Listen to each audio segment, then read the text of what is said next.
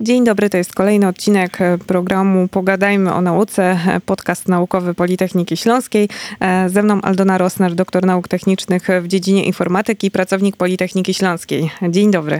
Dzień dobry, witam Was serdecznie. Witamy już niemal w nowym roku akademickim, a w tym roku akademickim sporo będzie się działo na naszej uczelni. Już możemy spokojnie zapowiadać nowe, fascynujące projekty i działalność, która brzmi dość dumnie, bo Politechnika Śląska będzie w pewien sposób współpracowała e, z NATO.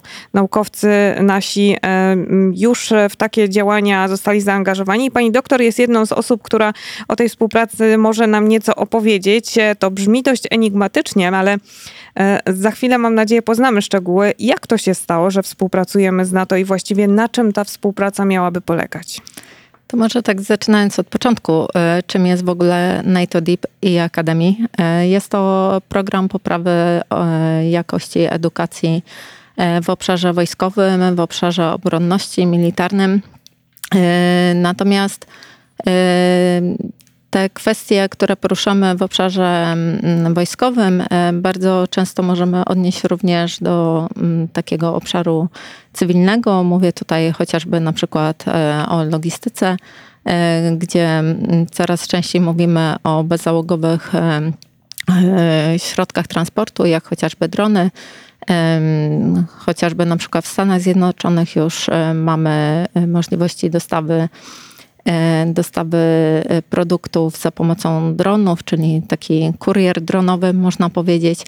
E, to wymaga zarówno kształcenia, zarówno kształcenia w tym obszarze w zakresie operacji tymi obiektami, jak również ich budowania, naprawiania, mechaniki tego rodzaju sprzętów.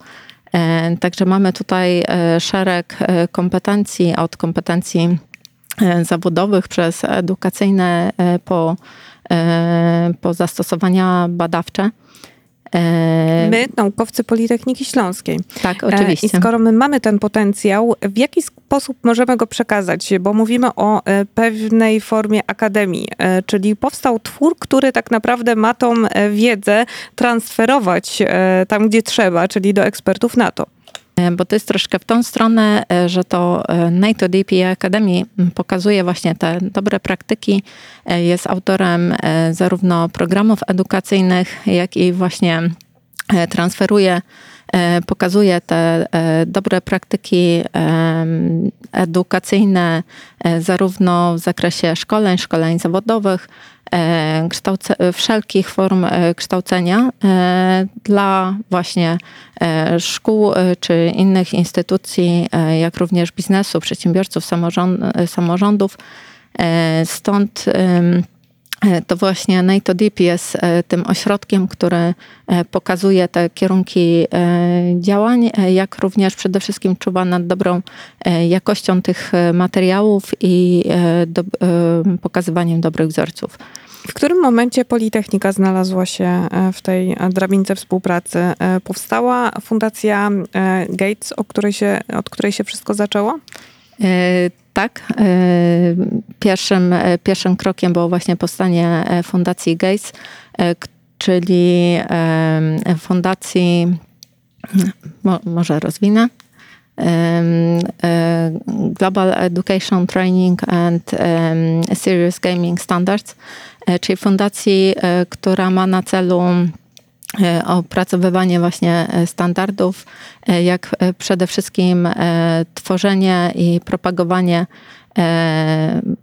do, dobrej jakości edukacji na wszelkich poziomach kształcenia, właśnie zarówno w edukacji szkolnej, jak i szkoleniach, szkoleniach zawodowych. E, czuwanie nad e, właśnie e, opracowywaniem standardów, tak abyśmy mogli porównywać te wyniki edukacyjne między sobą, a przede wszystkim abyśmy łatali tak zwane technologiczne dziury, które powstają w różnego rodzaju krajach. Dlatego też misją i jednym z zadań naszych, naszej fundacji jest to, że zrzeszamy i sieciujemy instytucje z różnych krajów, zarówno na poziomie biznesu, nauki, przedsiębiorców, jak i środowisk miejskich czy samorządowych.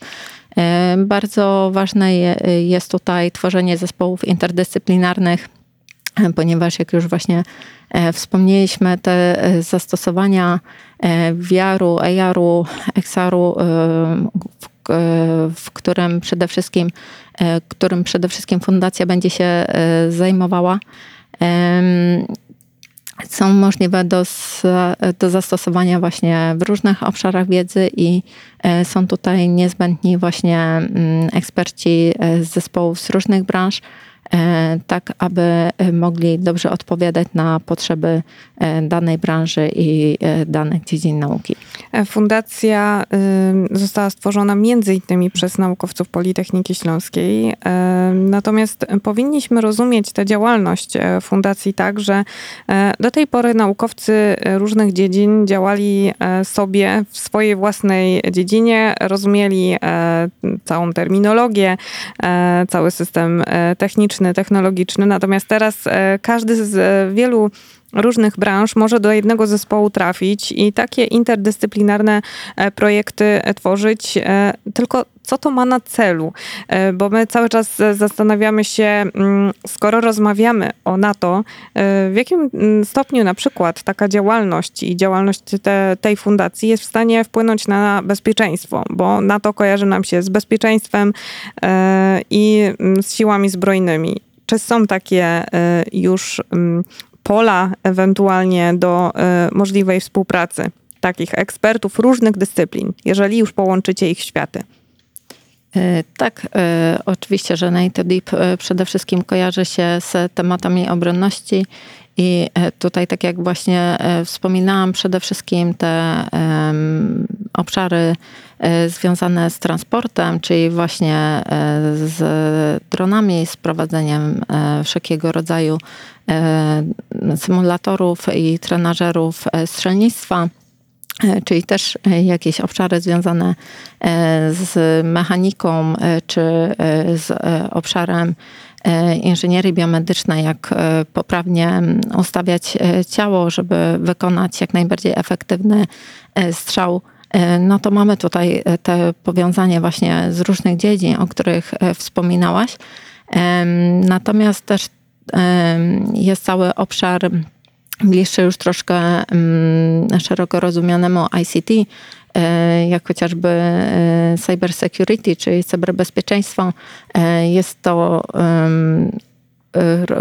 również jeden z obszarów, w którym będziemy działać i który wiąże się z bezpieczeństwem na różnych, że tak powiem, poziomach od, od bezpieczeństwa od bezpieczeństwa na poziomie urządzeń po bezpieczeństwo e, personalne i, i, e, i takie bezpieczeństwo e, związane już z poruszaniem się w poszczególnych środkach transportu chociażby w praktyce, jak taka współpraca y, może wyglądać, czy już wygląda? Y, eksperci, y, między innymi naukowcy Politechniki Śląskiej, spotykają się również z ekspertami NATO, czy mają jakieś wspólne warsztaty, szkolenia? Jak ma to wyglądać? Nasze działania będą realizowane przez regionalne i krajowe mm, ośrodki, w których będzie zlokalizowana fundacja, e, jesteśmy na etapie budowania tak naprawdę tych zespołów, także jesteśmy też e, otwarci na to, by osoby, które chcą podziałać i chcą w jakiś sposób się zaangażować i być uczestnikiem tego zespołu, to jesteśmy otwarci do współpracy tutaj. Natomiast właśnie tak jak wspominałaś, istotnym elementem jest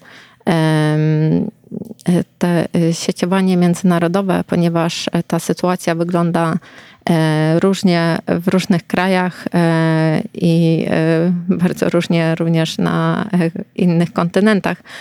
Dlatego też właśnie te zespoły będą tworzone przez, będą to międzynarodowe zespoły i tak jak wspominałem właśnie z, zbudowane zespołów z różnych dziedzin, by zachować tą interdyscyplinarność. Powinni się do Was zgłaszać, rozumiem, naukowcy różnych dyscyplin, różnych dziedzin. Gdzie konkretnie? Mamy stronę fundacji, myślę, że może zostać podana gdzieś w materiałach przy podcaście. Oczywiście zamieszczamy e, link, jeżeli będą Państwo zainteresowani. Natomiast e, powiedzmy jeszcze o tym, e, mówimy, że w różnych krajach będą zlokalizowane takie ośrodki, ale zastanawiam się, w Polsce mamy na przykład Centrum Szkolenia Sił Połączonych w Bydgoszczy, to jest Centrum Natowskie. Czy z takimi ośrodkami też będziecie współpracować? Tak, oczywiście, jak najbardziej, jak również z centrami doskonalenia zawodowego no tutaj y, musimy wziąć pod uwagę szereg instytucji, y, które będą y, z nami współpracowały. Jeżeli jeszcze tak mogę wspomnieć o, bo pytałeś też tutaj o tą historię, jak to się stało, skąd powstało, no to oczywiście jedną z kluczowych osób, dla których i dzięki którym mm, powstała ta fundacja jest mm, profesor Piotr Gawliczek, który jest szefem NATO Deep i Akademii i który zaufał e, w pomysł naszego prezesa Karola Jędrasiaka, e, który wyszedł z tą inicjatywą, e, z pokazaniem tej potrzeby i, i który zaczął budować tutaj te zespoły, tworzyć tą misję i rolę fundacji. W odpowiedzi na te wspólne potrzeby e, i znając te swoje e, wspólne mm, możliwości naukowców e, z jednej strony, a z drugiej strony potrzeby struktur natowskich, mm, jakie kroki zamierzacie podjąć w tych najbliższych miesiącach? Bo przed nami nowy rok akademicki, więc pewnie sporo będzie się działo w tej dyscyplinie i w tym projekcie. Zgadza się. Widzimy możliwości wykorzystania technologii VR, AR, XR e, w wielu obszarach i chcielibyśmy docelowo, aby mm, nasze standardy obejmowały e, wszystkie mm, obszary zawodowe, natomiast od jakichś obszarów musimy zacząć i wybraliśmy tutaj kilka priorytetowych zawodów czy dziedzin, od który, na których chcielibyśmy się skupić w tych E, pierwszych miesiącach, czy nawet kilku latach.